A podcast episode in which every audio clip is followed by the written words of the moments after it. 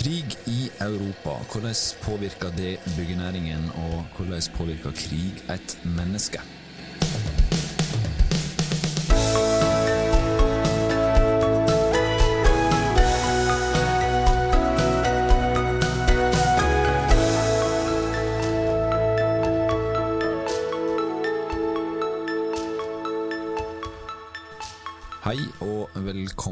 Til en ny episode av Byggeindustrien og bygg.no sitt podkast Byggeplassen. Jeg heter Frode Aga, og med meg som programleder her i studio så har jeg Kristian Aarhus, og i dag så skal vi snakke om det som opptar en hel verden om dagen, nemlig Russland sin invasjon av Ukraina. For sikkerhetssituasjonen i Europa er snudd på hodet, og dette påvirker oss alle. Både menneskelig, men også profesjonelt. For når verden preges av uro, blir det uro i markedene. Og det kommer også til å påvirke bygg- og anleggsnæringen. Og en som vet mer om både utsiktene for byggenæringen, men også hvordan krig påvirker et menneske, er du sjeføkonom i prognosesenteret Naira Matsic. Velkommen til oss. Tusen takk. Denne veka så la du ut et bilde i sosiale medier. Kan du fortelle om bakgrunnen for at du la ut det du gjorde, og hva det var du la ut? Det kan jeg. Eh, først og fremst så la jeg det ut fordi jeg hadde skrevet et blogginnlegg om hvordan invasjonen påvirker norsk økonomi og byggenæringen. Men idet jeg skulle legge ut eh, selve blogginnlegget på Twitter, så eh, tenkte jeg at det kunne være relevant å, å nevne min personlige historie. Det at jeg kom som flyktning til Norge i 1993, eh, da familien min og jeg flyktet fra krigen i Bosnia. Så da la jeg ved et bilde som viser mitt eh, asylsøkerkort, eller det var et helsekort for asylsøkere, med et uh, lite bilde av meg som treåring. Med et lurt smil og visste sikkert veldig lite om hva som foregikk. Um, og så fikk det meg til å tenke veldig mye på barna i Ukraina, som opplever det samme i dag. Og hvor surrealistisk det er at man i 2022 uh, på en måte ikke har kommet lenger. At vi fortsatt er i en verden der barn må oppleve krig. Hvordan påvirker det deg, da? Man blir, for det første så er jeg jo økonom, og min jobb i Prognosesenteret er jo å mene noe om norsk økonomi og hvordan det påvirker bygg- og anleggsnæringen, som er vårt hovedfelt. Men det er jo vanskelig å holde følelser utenfor, spesielt når det er noe jeg og min familie har opplevd selv. Eh, ikke minst, ikke bare familien min, men alle andre bosnere jeg kjenner har jo opplevd krig. Jeg har et ganske stort bosnisk nettverk, og jeg ser hvordan det påvirker dem. Jeg ser hvordan f.eks. mine søsken som var tenåringer under krigen og husker veldig mye mer enn meg, hvordan det gjenoppliver traumene eh, de har hatt, og hvordan foreldrene mine ikke får sove om nettene igjen. Hvordan det er mye frykt som mm jeg forstår at også nordmenn og andre europeere eh, kjenner på frykt og at man er redd, men for vår del er det også konkrete minner som er veldig vonde, som kommer tilbake igjen.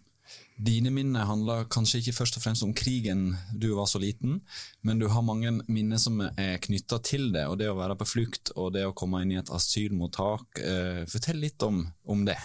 Ja, jeg er så heldig at jeg ikke husker noe fra selve krigen, men jeg husker jo fra eh, tiden vi kom til Norge, og så på en måte barndommen min som var preget av at vi var flyktninger. Eh, først så ble vi holdt på å si kasta rundt på mange asylmottak. Vi ble ikke kasta rundt, men vi var innom veldig mange ulike asylmottak før vi kom til Sunndalsøra, og der ble vi boende i et år. Um, livet på et asylmottak er ikke så veldig mye glamour og luksuspreget. Det var, uh, vi bodde i en bitte liten leilighet som var på kanskje en 35 kvadratmeter. Der var vi moren min, jeg, broren og søsteren min og en kusine og to fettere. Så vi var seks barn og en voksen i en bitte liten leilighet. Uh, faren min satt i konsentrasjonsleir fremdeles, så han kom nesten et år etter oss. Uh, etter hvert så bodde han også i denne leiligheten med oss. Så det var trangt, og vi hadde jo veldig lite. Vi hadde jo ikke med oss noe når vi kom til Norge. Vi hadde ikke noe klær, vi hadde ikke noe penger, vi hadde ingenting. Um, og så blir du kasta inn i et system, du skal på norskkurs. Jeg begynte i barnehagen i dette asylmottaket, jeg hadde en egen barnehage. Der var det barn fra Rwanda, fra andre afrikanske land. Det var stort sett afrikanske land og, og bosniere. Mm. Og jeg hadde vel knapt sett noe snø før, hadde ikke opplevd snø. Så den første vinteren så husker jeg veldig godt eh, gleden av å ha snøballkrig og, og, lage snømenn med de andre barna. Men så etter hvert så flyttet vi jo til Oslo og til Greverud, eh, der vi bodde fra 95 til 99. Og jeg, jeg, så jo at vi ikke var som de andre familiene som bodde i den gata. Vi hadde jo veldig lite penger. Eh, vi gikk jo på trygd i starten, vi bodde i en kommunal bolig. Jeg har på en måte vokst opp med å konstant ha dårlig samvittighet. Jeg har hatt veldig dårlig samvittighet fordi vi slapp unna krigen mens resten av familien vår ble igjen i Bosnia. Vi var de eneste som fikk dra. Eh, vi dro ned på sommerferie for første gang i 1996, så det var bare et halvt år etter våpenhvilen. Og så dro vi hver sommer etter det. Da kjørte vi bil fra Greverud ned til Bosnia, vi mm. fem i bilen. Eh, og det var, det var, så lite plass i bilen, husker jeg godt. Og vi hadde jo ikke med noe ting til oss selv, men det vi hadde med av ting, var gaver til familien. For vi, vi følte jo veldig på dette her, at vi hadde ekstremt flaks, eh, mens de andre ble igjen der nede. og mistet alt, sånn som vi mistet alt, men de fikk ikke muligheten til å få hjelp noe sted. Så de, de hadde ingen penger, de hadde ikke mat, de hadde ingenting. Men det at du eh, da eh, følte at du var annerledes enn de andre, eh, og hvordan har det prega oppveksten din og det du har blitt til senere i livet? Nå, eh, jeg, jeg har hørt deg snakke om skolegangen din før. Jeg var veldig veslevoksen som barn. Det var eh, helt eh, tullete nå når jeg ser tilbake på det, hvor lite jeg egentlig har fått være barn. Eh, fordi foreldrene mine var jo veldig mye opptatt i starten. De gikk på norskkurs, de brukte mye tid på å få verifisert eh, vitnemålene sine fra Bosnia, sånn at de kunne begynne å jobbe som sivilingeniører i Norge. I starten jobbet de helt vanvittig mye. De visste ikke at eh, det var innafor å ta seg fri i Norge. Altså helger har du lov til å ta deg fri, Fre ferier fins. De var livredde for å ikke gjøre et godt nok inntrykk, så de jobbet hele tiden. Eh, broren og søsteren min de var jo ti år eldre og hadde sitt å stri med. Å komme som en tenåring inn på en skole der du ikke kan språket og du er kledd som en uh, fattig person, mens de andre eh, holder på med noen merkevareklær og press. Det var liksom, De hadde sitt å stri med, og så var det jeg som jeg gikk alene til barnehagen og gikk hjem igjen fra barnehagen alene og var ganske selvdreven. Jeg tror det kanskje var den store forskjellen på meg og de andre barna. Og dette med den dårlige samvittigheten. At jeg hver sommer eh, når vi skulle dra til Bosnia, så både gledet jeg meg helt enormt mye til å dra ned dit for å se kusinene mine, fetterne mine og familien. Men jeg hadde hele tiden denne dårlige samvittigheten, og hver gang vi dro derfra, så var det jo ekstremt tungt å vite at jeg skulle hjem igjen til Greverud i starten, og at jeg skulle begynne på skolen igjen i august. Jeg skulle sikkert få en ny skolesekk og nye klær, mens de jeg dro fra, som var min nærmeste familie utenom foreldre og søsken, de hadde ingenting. Mm. Så det er vondt, rett og slett. Og så har du blitt samfunnsøkonom. Eh, pliktoppfyllende som sådan der å stille opp eh, både i våre spalter, men i alle andre mediespalter òg. Eh, og du skriver òg, eh, og det var egentlig bakgrunnen for eh, den tweeten du la ut. Du skriver jo blogginnlegg på Prognosesenteret sine nettsider, og der tok du opp krig i Europa. Så kanskje vi skal dreie det over på det faglige nå, da, lite grann. For det er sikkert mange av våre lyttere som lurer på hva i all verden får dette her slags konsekvenser for vår næring. Mm. I forrige uke allerede så fikk vi en del spørsmål fra våre kunder eh, som er i byggenæringen med hva vil dette bety for norsk økonomi, og hva betyr det for oss. Eh, flere av kundene er byggevareprodusenter, andre er entreprenører. Veldig mange var ute etter om vi kunne si noe om spesielt konsekvensene for materialkostnadsutviklingen og for byggekostnadene. Så det har vært stor interesse rundt det. Og så har vi svart eh, kundene våre etter beste evne, beste evne, og så så jeg at nå har vi så mye stoff at nå kan vi skrive et blogginnlegg eh, basert på alle disse eh, meningene vi har eh, delt med kundene. Um, så derfor så var målet Og et blogginnlegg skal være ganske kort. Det er ikke dette blogginnlegget her, det er ganske langt. Det har vært noen sider, jeg printer ut der, vi er på tre av fire sider. Ja, og det er jo ikke vanlig, men så er det ganske gledelig å se uh, at eh, folk i snitt er inne i syv minutter og leser uh, innlegget. Ja. Det virker som folk faktisk gidder å jobbe seg gjennom teksten. Uh, og vi har fått mye tilbakemeldinger på at dette er noe som er relevant for folk.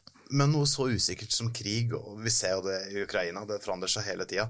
Hvor enkelt er det å komme med prognoser på det?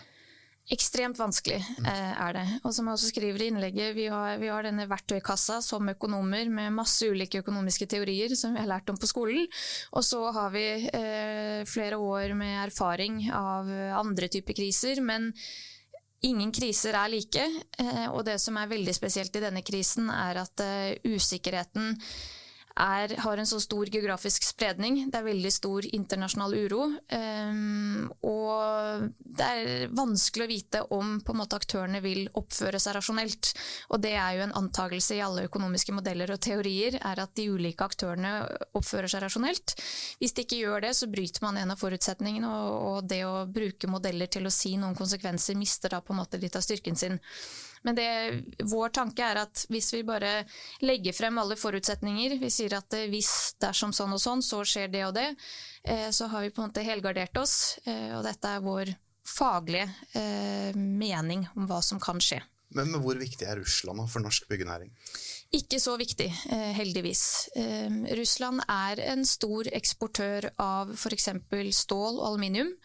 Eh, de står for en rundt 10% av global aluminiumseksport, 10-11% og så er det rundt 13% av global ståleksport. Så det er jo ikke så lite. Men eh, de er ikke fullt så viktige for Norge. Men akkurat på stål og aluminium så er det de to råvarene eh, som vi tror kommer til å bli mest påvirket av krigen. I hvert fall hvis vi ser på de råvarene som påvirker eh, materialkostnadene.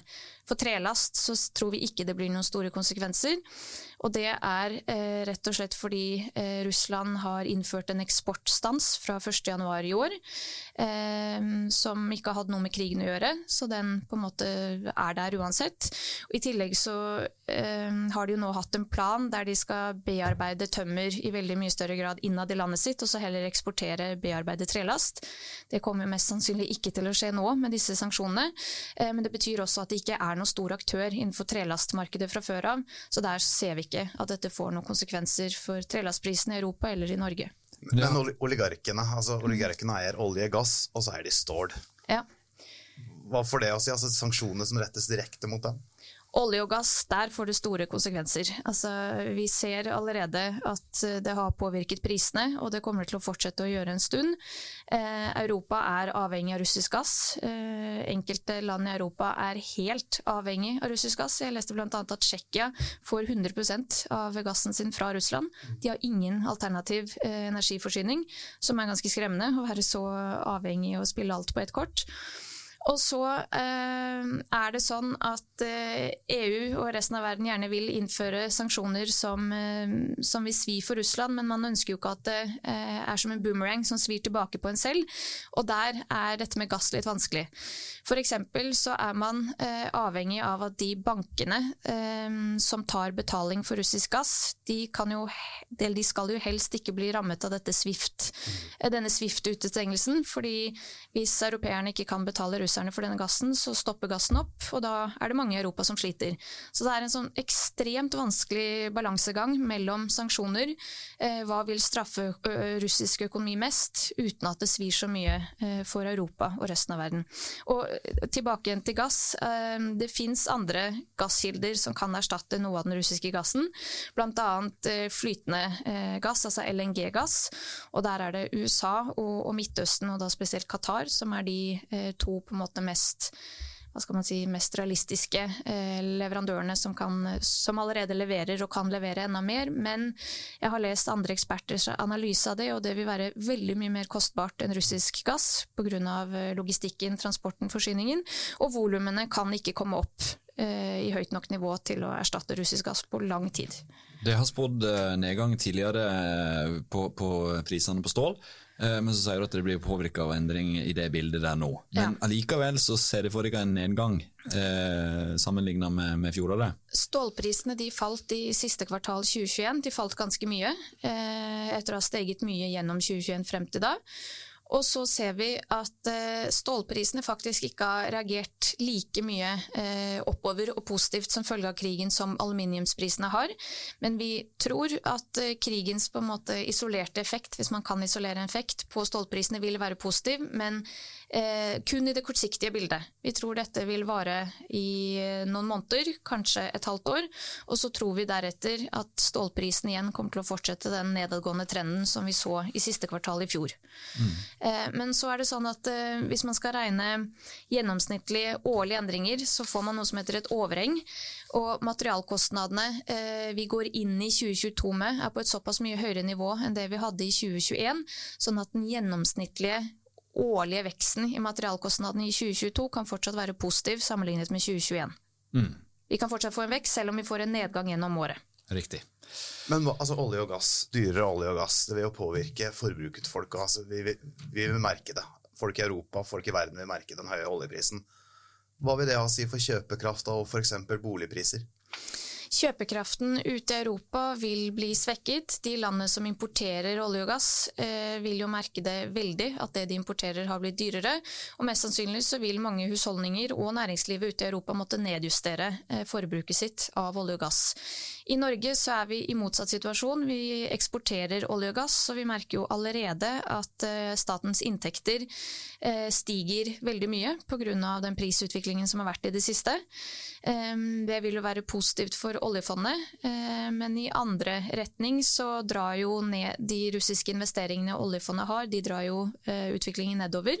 Vi sitter på en mellom 25 og 27 milliarder kroner eh, plassert i russiske aksjer og selskaper. Oljefondet har jo fått en instruks nå om å selge seg ned. Det vil trolig være veldig vanskelig å få solgt disse aksjene. og For det første så er de ikke verdt så veldig mye i dag, de har falt så mye verdi. Så vi må nok innse at vi må ta et tap der, men samtidig med de økte olje- og gassinntektene, så det blir kanskje effekten på oljefondet null. Og så hva betyr det for, for nordmenn flest? Eh, vi vil jo merke at drivstoffprisene her eh, vil forbli på et høyt nivå, også i 2022, så det er jo noe folk vil merke på lommeboka helt direkte. Eh, heldigvis så blir vi ikke like påvirket av gassprisene som det resten av Europa blir, men vi har sett gjennom 2021 at vår eh, avhengighet til kontinentet når det gjelder strømprisutviklingen, den avhengigheten har blitt ganske mye større pga. utenlandskablene. Vi så i fjor når CO2-avgiftsprisene økte, hvordan det også påvirket strømprisene her hjemme, så vi er ikke en isolert øy her som ikke blir påvirket, men vi blir mindre påvirket enn resten av Europa. Men under eh, krisa som har vært tett på oss eh, nylig, eh, koronakrisa, så begynte vi å snekre, snekre ute og gjøre- masse til sånne ting i heimene våre. da Vi prioriterte det framfor å reise. Hvordan eh, en krig eh, forbruket vårt? På det? Kan du si noe om det? Det var veldig spesielt fordi vi hadde restriksjoner som ikke lot oss reise, og vi hadde restriksjoner i perioder der eh, myndighetene ikke ønsket at vi skulle forlate hjemmene våre i noe særlig grad, så det var en annen situasjon. Vi er jo ikke der nå at vi pga. krigen i Ukraina eh, slutter å reise eller eh, slutter å dra ut på restauranter og konserter her hjemme. Så jeg tror den effekten blir mye mindre eh, nå enn det den var pga. pandemien. Og så ser vi også i våre egne spørreundersøkelser at veldig mange sier at de har på en måte pusset opp. Eh, De har gjort det i fjor og forrige fjor, og du kan ikke drive og pusse opp hvert år. I hvert fall ikke store prosjekter. Du kan gjøre mindre ting, eh, det gjør nordmenn hele tiden. Vi maler og skifter listverk og gjør mindre oppussingsarbeider mye, men bad og kjøkken, eh, det gjentar du ikke. Men hvis staten, hvis vi tenker på oss eh, briller med litt lengre sikt, eh, staten skal pusse opp sine ting, så tenker en gjerne nå forsvarssektoren og sånne ting. Hva vil dette her bety for f.eks. For Forsvarsbygg og, og satsingen på, på infrastruktur der? Eh, offentlig pengebruk styres jo igjen veldig mye av eh, hva som skjer i oljefondet og disse olje- og gassprisene. Og som vi på en måte allerede har konstatert, så tror vi krigens effekt på det blir nøytral. Så vi burde ikke på en måte Mulighetsrommet for offentlig pengebruk er det samme nå som det det var før krigen. Eh, men det offentlige har allerede i mange år brukt veldig mye penger. Det har blitt brukt mye penger over statsbudsjettet som er eh, rene oljepenger. Man har jo signalisert at oljepengebruken skal ned. Ehm, Så vi har jo forventet at det på sikt vil på en måte eh, ikke være fullt så sterk vekst for offentlige bygg og anlegg som det er akkurat nå. Men ser det en dreining for eksempel, da, mot forsvarssektoren når sånne ting skjer? Vi har ikke sett det eh, ennå. Vi har ikke sett noe tegn til det heller ennå. Eh, mulig det er for tidlig, eh, men nei. Svaret på det er nei. Vi har ingen signaler om det ennå. Og så ser vi at eh, med en gang det blir en krise, så er det også snakk om beredskapen og strategiske kornlagre som vi ikke har i Norge, f.eks. Hvor, hvor enkelt blir det å bygge ut matjord framover nå? Ja, Det er nok litt utenfor mitt eh, felt, men akkurat det du sa med lager, eh, kornlager, lager er eh, noe som vi så veldig tidlig i pandemien. At det ble snakk om at vi var dårlige på beredskapslagre i Norge. Mm. og det var flere som da mente at pandemien hadde en positiv effekt på lagerbygg. Og lagerbygg har jo hatt en kjempesterk positiv trend over mange år, spesielt ved at netthandelen har tatt over for fysisk handel. Så har vi sett at byggingen av det vi kaller forretningsbygg har gått ned, mens byggingen av lagerbygg har gått opp. Og så tror vi pandemien hadde en positiv effekt på det. Eh, krigen kan ha den samme positive effekten på lagerbygg. At man ser at man er avhengig av å kunne lagre nødvendige medisiner, utstyr, mat. Du kan ikke regne med at du til enhver tid kan bestille noe eh, på nett i dag og få det hjem i morgen hvis denne varen skal reise gjennom Europa. Men betyr det også at andre næringsbygg, altså hvor man produserer ting, det vil bli flere av de? Altså Man vil heller produsere her i Norge for å sikre at man har tilgang på, på enkelte varer, eller er det det er ikke noe vi har kommet frem til i vår ja. analyse ennå. Jeg tror ikke det. det. Sånn vi har eh, analysert konsekvensene av krigen, er gjennom denne kanalen med økt usikkerhet. Eh, vi tror det kan føre til svekket investeringslyst. Så om noe så tror jeg krigen kan ha en eh, negativ effekt på igangsettingen av nye bygg, gjennom at aktørene blir litt redde for fremtiden, og at man kanskje heller vil, heller vil vente og se hva som skjer. Eh, men så igjen, hvis investeringslysten svekker seg, både fra husholdningene og fra næringslivet, så vil vi jo bli kompensert for dette ved at rentebanen nedjusteres. Eh, Norges Bank vil ikke sitte og se på at investeringslysten forsvinner uten at de reagerer på det. Eh, så det kan føre til at, eh, at rentebanen fremover i tid nedjusteres, og det i seg selv vil jo være positivt igjen for byggeetterspørselen. Mm. Så det er så mange faktorer her som drar i hver sin retning, og det er derfor vi har landet på at vi tror i sum krigen har en nøytral effekt på, på byggeetterspørselen. Det er ikke rart at det kommer masse spørsmål fra dine kunder. Du var inne på det innledningsvis, og så sier du at aktørene blir redde for det som skjer, og konsekvenser. Mm. Hva er det de spør om, da? De spør aller mest om materialkostnadene. Eh, hva, om vi klarer å isolere effekten av krigen. og Da har den effekten vært at vi tror at materialkostnadene vil falle mindre gjennom 2022 enn det vi trodde før krigen. Isolert sett pga. krigen, og da er det da mest stål, aluminium. Eh, kanskje man vil merke det på betong, sement, men ikke trelast, er vår eh, vurdering. Går det an å si noe hvor stor effekt en sånn krise har på, på etterspørselen hos dere? Ser det noen kurve på Oi, der var det, kom det mange henvendelser, gitt. Det kommer jo sånn på kort sikt veldig mange spørsmål. Eh, og så blir det fort old news, dessverre. Det, interessen pleier jo å dabbe av. Mm. Eh, vi er jo bare på dag, er det dag syv av mm. invasjonen. Eh, så vi forventer ikke at det samme trykket vil fortsette. Og så får vi bare håpe at eh, konflikten ikke varer så lenge, og at dette ikke er spørsmål vi må tenke over i så veldig mye lengre tid. At konflikten kan vare lenge, det, det håper vi for så vidt uh, alle sammen. Vi ser at det er enorme flyktningstrømmer på vei, eh, både i retning Norge og andre land i Europa. Det er et, en del av innlegget ditt òg, demografi. Ja. For uh, sånne kriser det påvirker demografi, demografien i mange land. Hvordan vil det påvirke byggenæringen? Eh, vi tror at nettoinnvandringen i Norge vil øke pga. dette. Altså nettoinnvandringen har falt som en stein i Norge de siste årene. Helt siden 2012 så har eh, utviklingen vært veldig negativ. Og det er fallet i nettoinnvandringen som har ført til at befolkningsveksten i Norge har halvert seg fra årene 2012-2013 frem til eh, nå før pandemien. Og så kom pandemien, og det hadde en eh, ytterligere negativ effekt på befolkningsveksten. Så det krigen isolert sett kommer til å føre til, er nok at denne nettoinnvandringen igjen stiger. Ehm, spørsmålet blir jo hvor mange flyktninger vi tar inn, og hvor lenge de blir her. Altså Hvis det blir fred i Ukraina om ikke så altfor lenge, og man kan eh, raskt gjenoppbygge det som har blitt ødelagt, så er det ikke nødvendigvis sånn at ukrainerne blir her så veldig lenge, så da kan det bli en kortsiktig økning i nettoinnvandringen. Men effekten på byggemarkedet, igjen tror vi den blir veldig liten. Det står mange asylmottak tomme rundt om i landet. Man eh, økte beredskapen i 2015-2016, når eh, det var en veldig stor flyktningstrøm i Europa.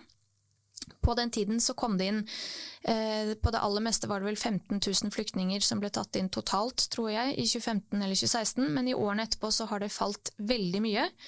Eh, og mange av asylmottakene har hatt midlertidig stengt fordi det er tomt, det er ingen som er der.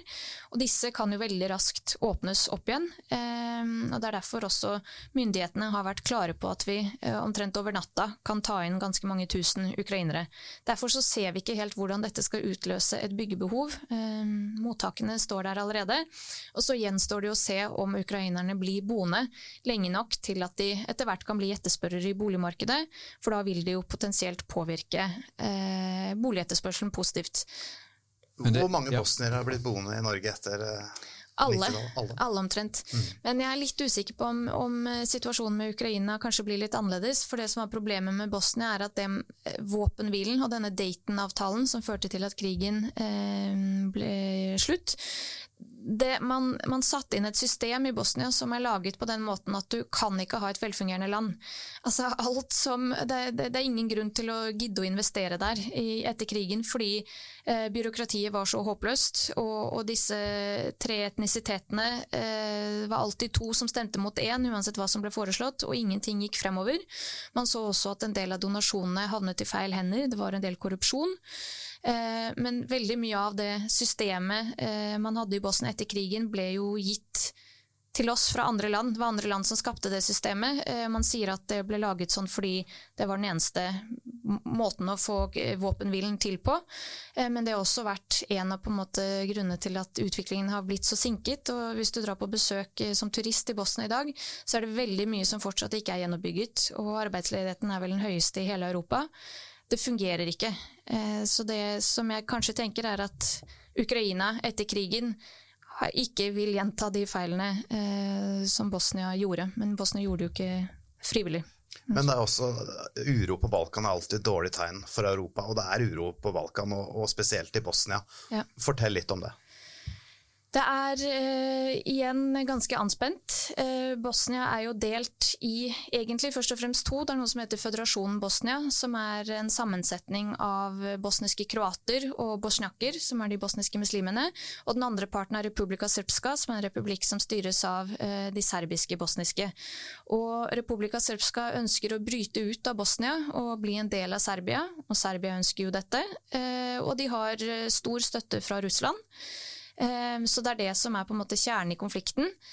Ehm, Bosnia vil jo ikke at dette skal skje, man vil jo ikke miste en veldig stor del av landet sitt. Ehm, og vi ser også nå i, i kjølvannet av det som skjer i Ukraina, at man kunne jo kanskje tenkt at det roet ned stemningen eh, i Bosnia, men tvert imot så ser det ut til at eh, serberne har fått enda tettere bånd til Russland. For midt i krigen så fortalte du på forhånd her at utenriksminister i Russland, Sergej Lavrov, har kontakt med, med bosnierne midt i krigen. Ja, han hadde et møte nå på mandag med Dodik, eh, denne lederen av Republika Srpska. Og det at, at, Lavrov eh, prioriterer det eh, midt i en periode der Russland invaderer Ukraina, er jo mildt sagt skremmende.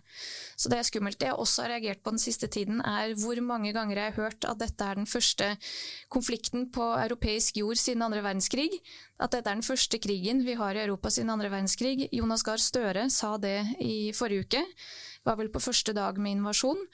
Uh, og jeg har sett det på Twitter, på nett, overalt, der så mange skriver, og gjerne med en sånn uh, undertittel eller setning 'Vi må ikke glemme'. Og det tenker jeg det er så uh, utrolig paradoksalt at man da glemmer alle krigene som har vært i Europa etter andre verdenskrig. Det har vært mange, det er ikke bare Bosnia.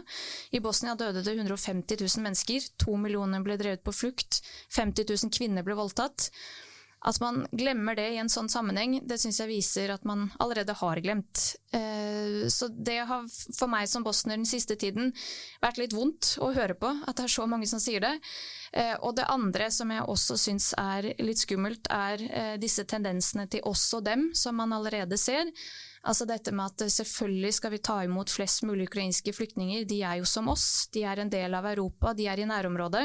Jeg forstår det, jeg er for at vi skal ta imot flest mulig flyktninger, men jeg syns det gjør litt vondt eh, på vegne av resten av verden, som også lever i frykt og redsel, og der det er konstant krig, at det, det eh, rett og slett virker å være veldig utbredt, denne meningen om at det er veldig mye mer moralsk riktig å hjelpe noen fremfor andre. Og når jeg har på en måte brakt opp det i diskusjoner, så får jeg høre at det er whataboutism. Hva med dette, ja, hva med dette? Ja, men det er egentlig ikke helt sånn. Altså, mennesker som er i, i krig, og mennesker som flykter, de bør hjelpes uavhengig av hudfarge, religion, etnisitet. Og det syns jeg vi skal ha med oss i bakhodet nå når vi gjør vårt beste for å hjelpe ukrainerne som kommer til Norge. Da har jeg lyst til å si tusen takk for at du kom hit for å dele din historie og dele dine faglige synspunkt på det som skjer nå i krigen i Ukraina. Tusen takk for invitasjonen.